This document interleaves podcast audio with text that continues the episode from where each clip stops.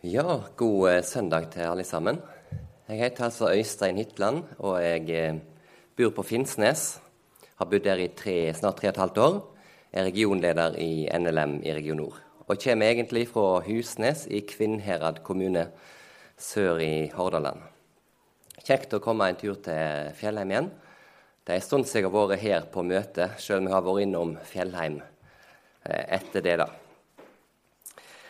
Om ei uke er det første søndag i advent. Eh, og da er det jo sånn at kirkeåret, eller kirkeåret, begynner første søndag i advent.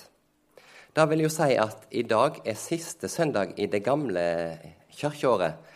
Eh, og den dagen har fått navnet domssøndag, eller Kristi kongedag. Eh, og det er en, eh, en tekst fra Matteus 25 som er den eh, vanlige preiketeksten for i dag. Jeg fikk, eh, jeg forsto at Fjellheim har satt opp den gam, gammeltestamentlige teksten som tekst eh, for, den, eh, for møtet her på Fjellheim. Og den står altså i Jesaja 57, vers 14-16. Og jeg skal begynne der, men når jeg forberedte meg, så ble det litt sånn at jeg tror nok at jeg kommer til å til å komme til Matteus 25 også i løpet av, eh, av eh, møtet. At det blir nok begge tekstene som blir tatt fram. Både Jesaja 57 og Matteus 25. Men vi begynner å lese i Jesaja 57, vers 14-16. Men før vi gjør det, så skal vi få venne oss til Gud i bønn igjen. Kjære Jesus, takk for at vi får komme i sammen for å høre ordet ditt. Og så ser du at vi samler mange, både små og store, på møtet i dag. Jeg ber om at du må få gi oss noe. Takk for det vi allerede har fått. Og jeg ber om at du må få være oss nær med din Hellige Ånd. Både meg som taler, og alle som sitter og hører. Takk, Jesus, for at uh, alt det vi trenger for uh, både for tida og for evigheten, det har vi i deg. Jeg ber om at du på ny og på ny må få åpne øynene våre for eh, hva vi har når vi har deg, Jesus. At vi får leve livet vårt i lys av evigheten. Jeg ber om at du må velsigne møtet videre. Amen.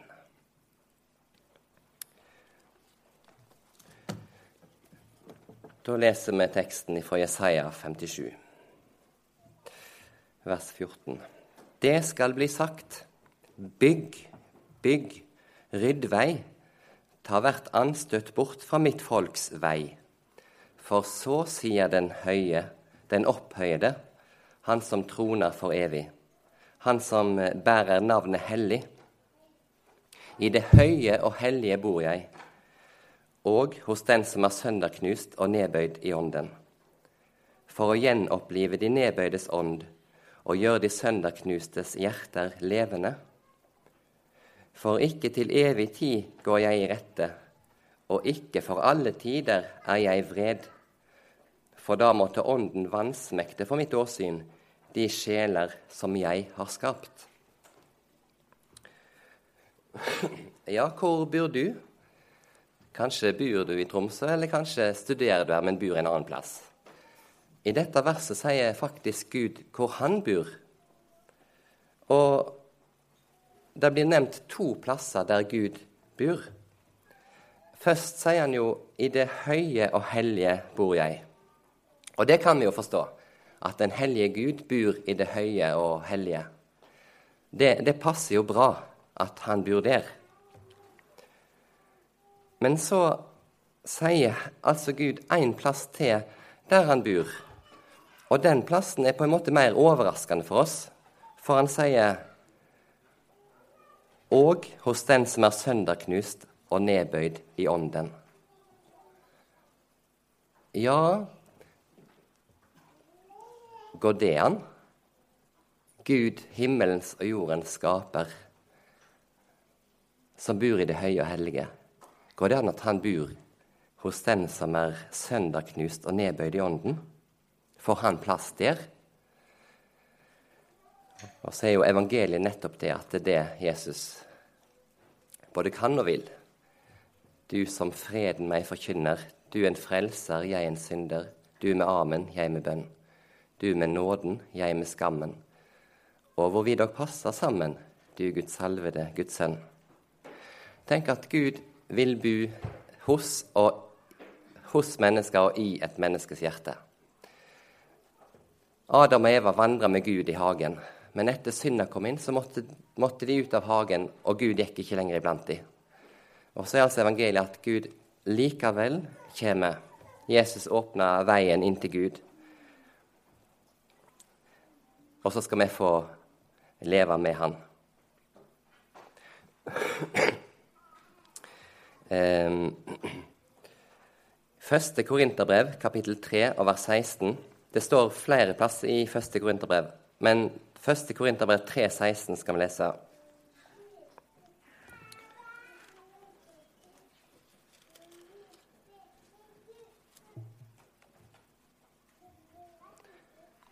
Vet dere ikke at dere er Guds tempel, og at Guds ånd bor i dere? Ja, hvor bor Gud? Har Gud et tempel på jorda i dag?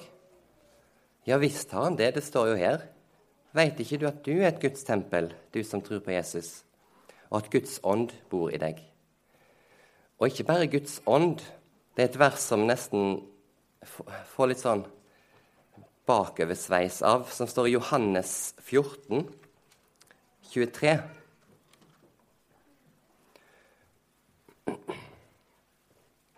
Johannes 14, 23.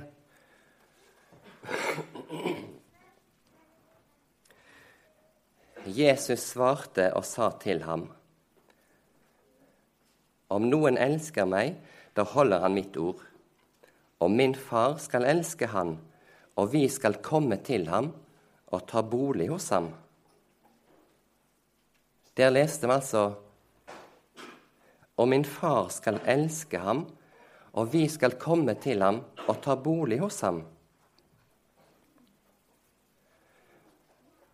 Her har vi altså lest at Den hellige ånd, men ikke bare ånden, men òg at, at Faderen og at Jesus sjøl vil komme og ta bolig hos den som tror og holder fast ved ordet. Usynlig, men likevel virkelig. Ja, Men er det ikke egentlig sånn med alt som har med Guds rike å gjøre?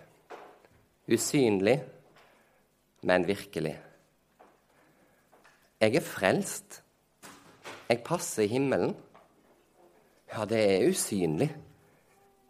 Når jeg ser på mitt liv, så ser jeg ikke ut til å passe i himmelen. Men det er likevel virkelig, for Jesus har frelst meg og gjort meg til sin. Usynlig, men likevel virkelig. Den treenige Gud har tatt bolig i mitt hjerte. Usynlig, men likevel virkelig. En dag skal vi få se det som vi nå tror.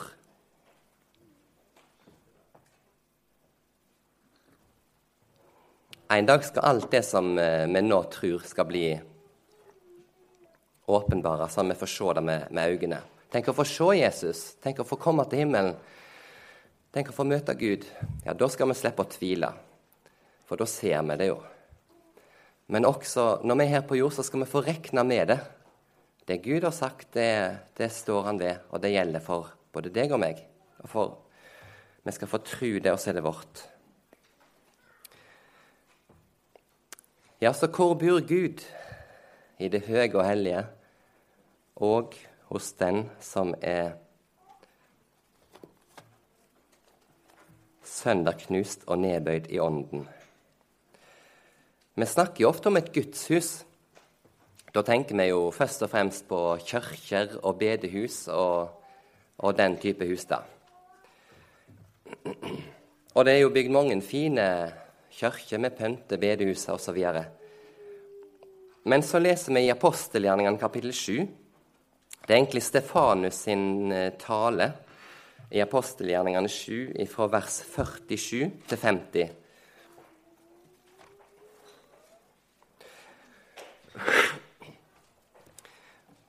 Der forteller Stefanus om at eh, David hadde lyst til å bygge et tempel til Gud.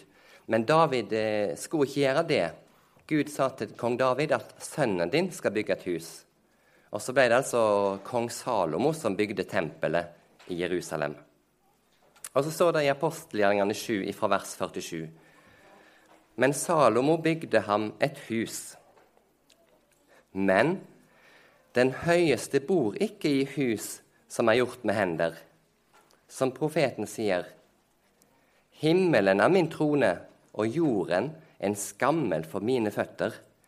Hva slags hus kan dere da bygge for meg, sier Herren? Eller hvor er stedet hvor jeg kan hvile?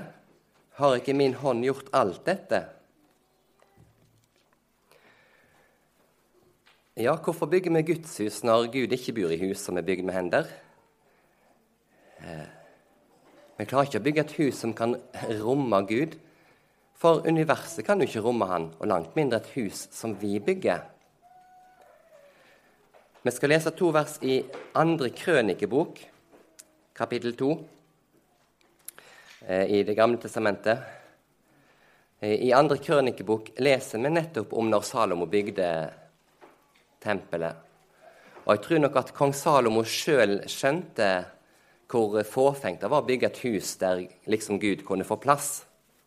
Men vi skal lese to vers i andre krønikebok, kapittel 2, vers 5 og 6.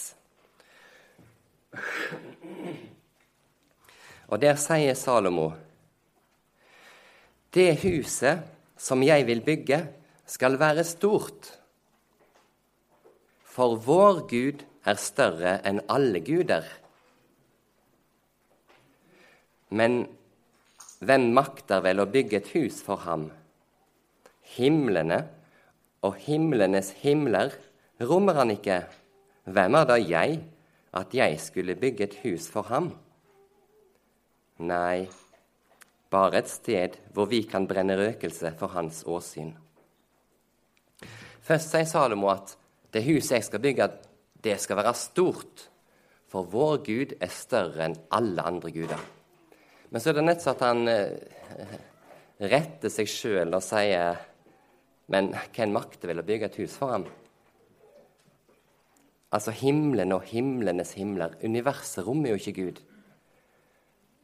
Hvem er da jeg at jeg skal bygge et hus for han? Nei, bare et sted hvor vi kan brenne røkelse for hans åsyn. Og så er det jo godt å ha et hus der vi kan brenne røkelse. Vi gjør jo ikke det i vår, vår tradisjon. Men røkelsen er jo et forbilde på bønnene våre, som stiger opp til Gud. Det er godt en plass å samles til å be, til å lovsynge Gud, til å høre ordet hans, og til å være sammen med andre kristne. Så vi skal med frimodighet bygge, fortsette å ha våre gudshus. Men vi skal vite at det er jo ikke huset som gjør det til et gudshus. Men det er jo folka som møtes der. For det er jo vi som er tempel for Guds ånd. Den enkelte og menigheten som er bygd opp av levende steiner til et hellig hus, som det står i 1. Peters brev, kapittel 2. Og det er jo ordet som blir forkynt, evangeliet, som, eh, og, og sakramenter som blir rett forvalta, som gjør at det er Kirken som møtes i dette huset. da. Og jeg leste, Apropos det, så leste jeg han gode, gamle Carl Fredrik Wisløff. Han skrev Jeg husker ikke om det var i Jeg vet på hvem jeg tror, eller om det var etikkboka, men han skriver at det gir ingen velsignelse å gå i et kirkebygg hvis ikke det er evangeliet som blir forkynt. Det er ikke noe sånn velsignelse i veggene, skriver han. Men det er nettopp det at du får høre evangeliet, det at du får være sammen med andre kristne, som er velsignelsen med, med kirkebygget. Ja, hvor bor Gud? Hvis du spør på et barnemøte, så vil du jo få mange svar. Han bor overalt. I himmelen. Han bor i Ordet, i Bibelen, i hjertet. Og det er jo egentlig rett, alt, da. I, I, vår tekst står det 'I det høye og det hellige bor jeg' og hos den som er sønderknust og nedbøyd i ånden. Det er nemlig ikke sånn at Jesus bor i alle menneskehjerter på jorda. Det var jo ikke det som sto i verset.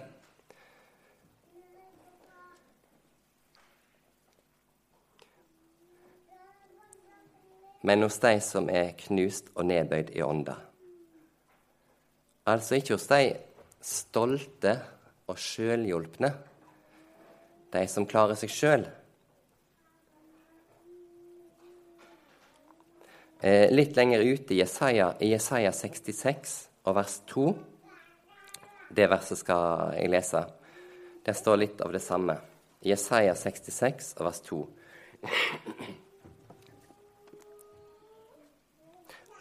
Alt dette har jo min hånd gjort, og slik ble alt dette til, sier Herren.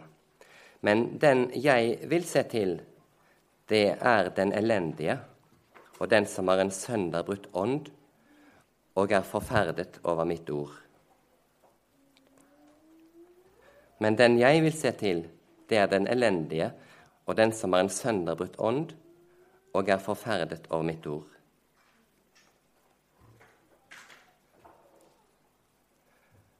Det handler altså om at du får bruk for evangeliet, at du får bruk for Jesus. Eh, det sto om at de var forferdet over hans ord. Det hender jo det at vi leser i Bibelen, og så ser vi at det er jo ikke sånn i mitt liv. Og så får du bruk for nåden. Um, det er noen som ikke kommer der. Det er noen som tror at de skal klare seg sjøl. De veit jo om det med nåden, men på en måte så blir det ikke helt sånn i deres liv. Men de går rundt og klarer seg så godt som de kan. Og så er det noen andre som gjør det på en annen måte, som Bibelen òg advarer imot. Det er nemlig noe du ikke skal gjøre i et tempel, som ikke går an selv om det er vel noen som har prøvd på det òg i vår tid. Du kan ikke bygge et tempel for flere guder. Du kan ikke både ha et alter for Gud og så en avgudsstatue inn i tempelet. Og da kan man heller ikke gjøre i, i hjertet sitt. Det står det om i 2. Korinterbrev 6. 2. Korinterbrev kapittel 6.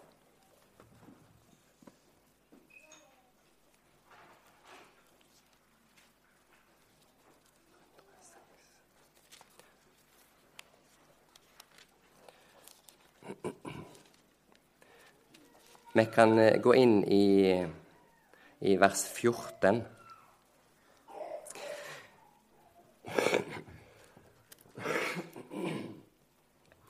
Andre Korinterbrev 6 fra vers 14. Dra ikke i fremmed åk med vantro, for hva delaktighet har rettferd med urett, eller hva samfunn har lys med mørke, og hva samklang er det mellom Kristus og Belial? Eller hva samfunn har en troende med en vantro?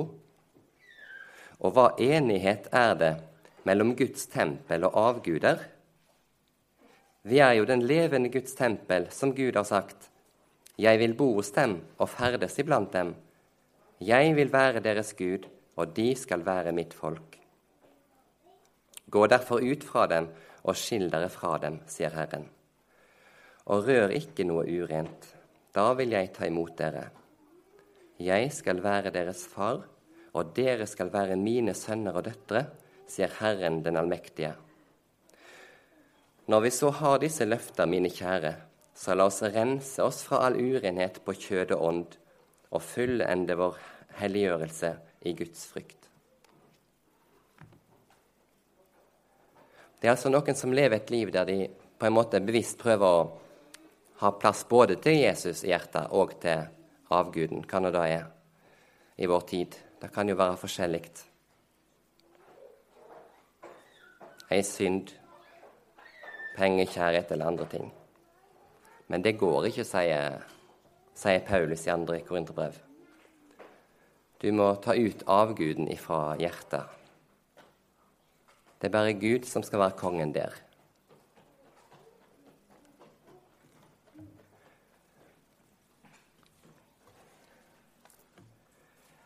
Um,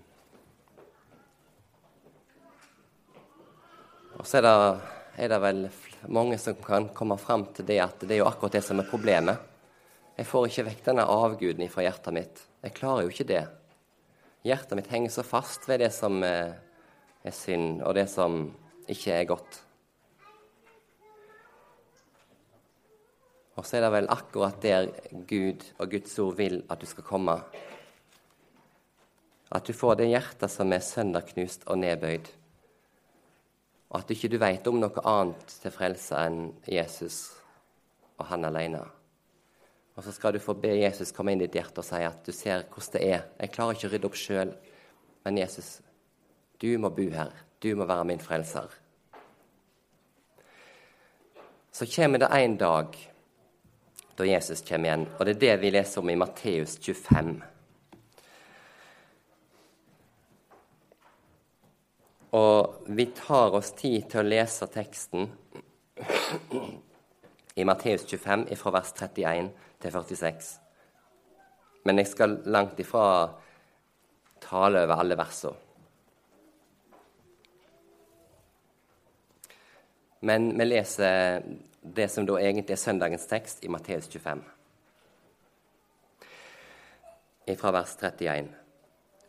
Men når Menneskesønnen kommer i sin herlighet, og alle englene med ham, da skal han sitte på sin herlighetstrone, og alle folkeslag skal samles framfor ham. Han skal skille dem fra hverandre, liksom gjeteren skiller sauene fra geitene. Han skal stille sauene ved sin høyre side og geitene ved sin venstre. Da skal kongen si til dem ved sin høyre side:" Kom hit, dere som er velsignet av min far. Arv det riket som er beredt for dere, fra verdens grunnvoll ble lagt. For jeg var sulten, og dere ga meg mat. Jeg var tørst, og dere ga meg å drikke. Jeg var fremmed, og dere tok imot meg. Jeg var naken, og dere kledde meg. Jeg var syk, og dere så til meg. Jeg var i fengsel, og dere kom til meg. Da skal de rettferdige svare ham og si, Herre, når så vi deg sultne og ga deg mat, eller tørst og ga deg å drikke? Når så vi deg fremmed og tok imot deg, eller naken og ga deg klær? Når så vi deg syk eller i fengsel og kom til deg? Og kongen skal svare og si til dem, Sannelig sier jeg dere, Alt dere gjorde mot en av disse mine minste brødre, det gjorde dere mot meg. Så skal han si til dem på venstre side.: Gå bort fra meg, dere som er forbannet, til den evige ild som er beredt for djevelen og hans engler. For jeg var sulten, og dere ga meg ikke mat. Jeg var tørst, og dere ga meg ikke å drikke. Jeg var fremmed, og dere tok ikke imot meg. Jeg var naken, og dere kledde meg ikke. Jeg var syk og i fengsel, og dere så ikke til meg. Da skal de svare ham, også de, og si:" Herre, når så vi deg sultne eller tørst, eller fremmed eller naken, eller syk eller i fengsel, og tjente deg ikke? Da skal han svare dem og si:" Sannelig sier jeg dere, det dere ikke gjorde mot en av disse minste, det har dere heller ikke gjort imot meg. Og disse skal gå bort til evig pine, men de rettferdige til evig liv.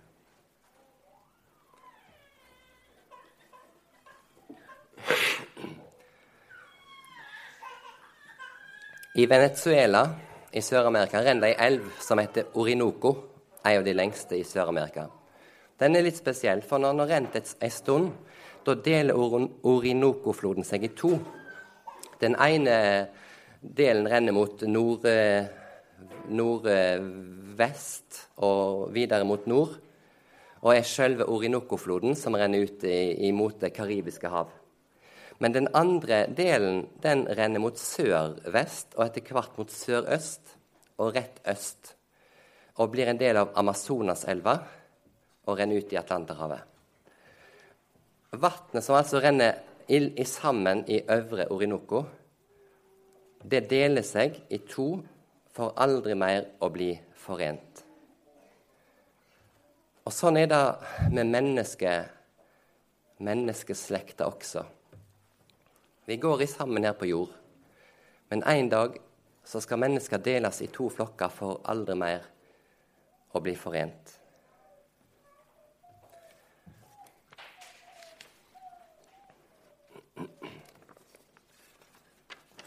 Jesus sammenligner det med en gjeter som, som skiller geiter og sau i to flokker. og så er det jo så fint å lese det som sto i vers eh, 34. Da skal kongen si til dem ved sin høyre side.: Kom hit, dere som er velsignet av min far, og arv det riket som er beredt for dere fra verdens grunnvoll ble lagt. Altså ifra Gud skapte verden, fra før verdens grunnvoll ble lagt, så hadde Gud en plan. Det var at du skulle få arve Guds rike og være sammen med Han i evigheten. Og Det står det om og flere plasser i Efesene 1,4. Det at vi er utvalgt i Kristus fra før verdens grunnvalg ble lagt. Så før Gud skapte, så var frelsen ferdig planlagt. Hadde ikke det vært slik, så hadde nok ikke mennesket blitt skapt heller.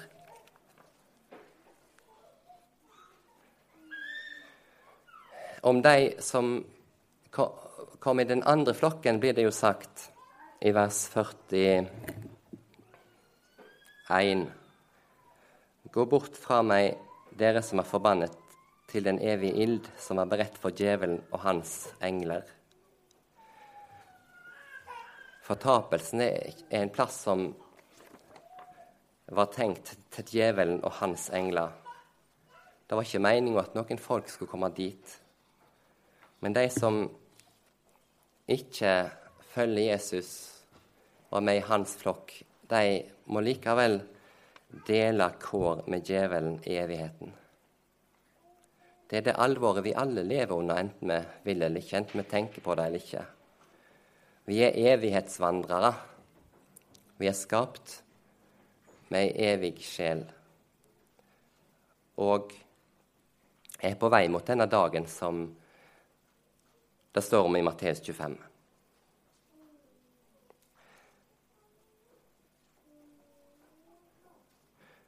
Og så leser vi altså det som kan virke litt underlig, nemlig at Jesus snakker om gjerningene deres. Dere som har tatt imot meg og hjulpet meg når jeg var naken og i fengsel osv. Ja, men er ikke det av nåde vi blir frelst, da? Men dette er jo det som vi, når vi ser etter i Guds bok, så ser vi det flere plasser, nemlig at vi er frelst av nåde, allikevel blir dømt etter gjerningene. Fordi at trua på Jesus får, får med seg noe, et nytt liv med frukt, gjerninger. Hvis jeg kjøper et hus, og så er det et tre i hagen, et frukttre hører jeg rykte om, hvordan i alle dager kan jeg vite om det er et epletre eller et plommetre? Jeg kan jo ta en annen prøve og sende inn til en gartner eller et eller annet forskningsstasjon, men jeg kan jo òg vente til høsten og se hva som vokser på det. Vokser det eple, så skal jeg jo ikke være i tvil. Da er det et epletre. Vokser det plomme, så er det et plommetre. Sånn er det òg med et kristenliv. Et liv med Jesus har med seg noe frukt. Det står det om mange plasser i Bibelen. Og så er det nettopp den frukten som blir henta fram på den siste dag, som vitner om at ja, det er ikke tvil om at han levde i trua på Jesus. Det ser du av frukta. Og så ser vi at Jesus bruker det når han deler flokken. Og det står det om ganske mange plasser i i Bibelen nettopp det at man blir frelst av nåde, men dømt av frukten som er gjerningene. Og så vet vi jo det at eh, ei frukt bærer jo ei, ei grein bærer jo frukt nettopp når den henger fast i treet. Jeg kunne ikke tatt med ei, ei grein fra epletreet hjemme hos mor mi på Vestlandet og, og lagt den i vinduskarmen på Finnsnes fordi at jeg var så glad i eple. Da hadde jo greina visna, og det hadde ikke blitt noe frukt. Nei, greina hører til på frukttreet, og kun der kan den bære frukt. Greina kan ikke bære frukt av seg sjøl. Ja, sånn er det òg i våre liv. Det er jo nettopp ved å henge fast i Jesus at frukta kommer. Livssamfunnet med Jesus. Og ser vi at det er jo ikke veldig spesielle gjerninger det, det blir henta fram heller. Det var ikke det at du, du, gikk i kloster, eller at du har gjort noe veldig sånn store, flotte gjerninger. Det er egentlig ganske sånn små gjerninger, på en måte. At du, du så til noen som var syk. Du besøkte noen som var i fengsel. Men det betyr jo ikke at alle som er besøksvenn hos Røde Kors, blir frelst. Og alle som er bistandsarbeidere, nødvendigvis blir frelst. Men det er jo nettopp det at det er ei frukt av at du lever med Jesus, som gjør at gjerningen er god, og som er beviset på at du er Guds barn. Ja, hvordan er det med oss, med deg og meg? Bærer du frukt i livet ditt? Bærer jeg frukt i mitt liv? Og så er det kanskje noen som hører denne teksten, som blir bekymra. Jeg vet ikke om jeg ser frukt. Jeg har ikke vært så flink å besøke de syke og, og, gamle og de som Og jeg har så hardt hjerte mot de som trenger hjelp på ulike måter. Er jeg slik som jeg burde være? Blir jeg med på den rette sida når Jesus skiller flokken? Og så er det bra at en spør seg sånne spørsmål imens det enda er nådetid. Men samtidig skal du legge merke til en ting i teksten. De som ble sett på den høyre sida, og som skulle bli med til Guds rike, til himmelen, de ble faktisk overraska når Jesus tok fram gjerningene deres. Det står jo i, i Matteus 25 i vers 37. Da skal de rettferdige svare ham og si, Herre, når så vi deg sulten og ga deg mat, eller tørst og ga deg å drikke? Når så vi deg fremmed og tok imot deg, eller naken og ga deg klær? Når så vi deg syk eller i fengsel og kom til deg? Og kongen skal svare og si til dem, Sannelig sier jeg dere, Alt dere gjorde mot en av disse mine minste brødre, det gjorde dere mot meg. Jeg tror det er et poeng nettopp det at disse folka her, som det står om, de ble overraska når Jesus tok fram de gode gjerningene deres som et bevis på at det var rett med dem. Har jeg gjort gode gjerninger? Det var ikke det som de var opptatt av i sitt liv. Det var ikke det de stolte på. Ah, 'Jeg ser mye frukt i livet mitt, så jeg er nok en god kristen.' Nei, det var ikke det, men det var nettopp det at Kanskje de mangla så mye frukt i livet sitt, men de hang så fast i Jesus. De hadde ingen annen trøst eller hjelp. Ingen andre å stole på enn Jesus Kristus. Og så var det andre som fikk plukka frukta i deres liv. Og sånn er det jo med frukt. Det er jo noen andre som får smake frukta. De var nok ikke fornøyd med livet sitt, men de hadde noe de var fornøyd med, og det var frelseren sin. Og så hadde de fått komme til Han som kan tilgi synd. Så hadde de kommet sønderknust og nedbøyd i ånda som det sto med Jesaja 57. Og så hadde Jesus tatt bolig i deres hjerte. Og så hadde Jesus gitt dem frukt i livet også, og så var de med når Jesus kom igjen. Det var annerledes med de andre, de som gikk fortapt. De sier jo i vers 44.: Da skal de svare ham også de og si:" Herre, når så vi deg sulten eller tørst eller fremmed eller naken eller syk eller i fengsel? og tjente de ikke? Da skal han svare dem og si, sannelig sier jeg dere, Det dere ikke gjorde mot en av disse minste, det har dere heller ikke gjort imot meg. Altså, De så i grunnen ikke at de hadde noe mangler. De var sånn passe fornøyd med seg sjøl.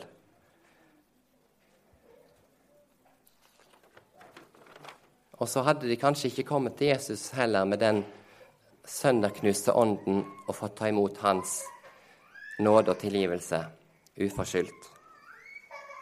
De hadde et eller annet annet som de på en måte var fornøyd med, og som de stolte på. Og så hadde de egentlig regna med at de skulle få bli med når Jesus kom igjen.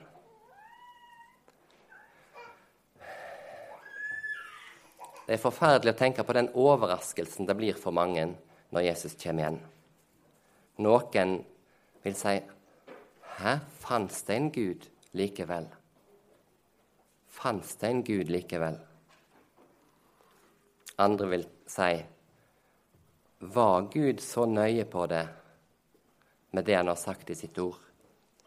Var Gud så nøye med synd? Og andre vil si var ikke det jeg gjorde, godt nok likevel?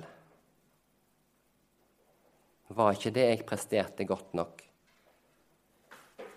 Så må vi være med og bringe ut evangeliet imens det er nådetid, om Han som åpner himmeldøra av nåde for syndere. Han som kan tilgi synd, og som vil ta bolig i våre hjerter. Og det aller viktigste er jo Vi snakker om ytre misjon, og vi snakker om indre misjon. Og så var det en som sa at det aller viktigste da er den innerste misjonen, innste misjonen, i hjertet ditt. At du og Jesus får eh, tale ut. Så det er godt å få, få si i dag at eh, du skal få komme til Jesus, og han vil bo i ditt hjerte. Kjære Jesus, takk for det vi har vært samla om. Takk for at du sier det sjøl, at du vil ta bolig i hjertet vårt, Herre. Jeg ber om at vi ikke må tenke og tro at vi kan på noe vis klare oss sjøl i livet og på den siste dag, men at vi må få leve og bli bevart i din nåde. Og takk, Jesus, for at eh, du har eh, tatt på deg min synd og dødd for meg, for at jeg skal få være et Guds barn. Jeg ber òg om at du må få sørge for frukter i våre liv, Herre, sånn at vi kan være til hjelp for hverandre og for de som ikke kjenner deg. I Jesu navn. Amen.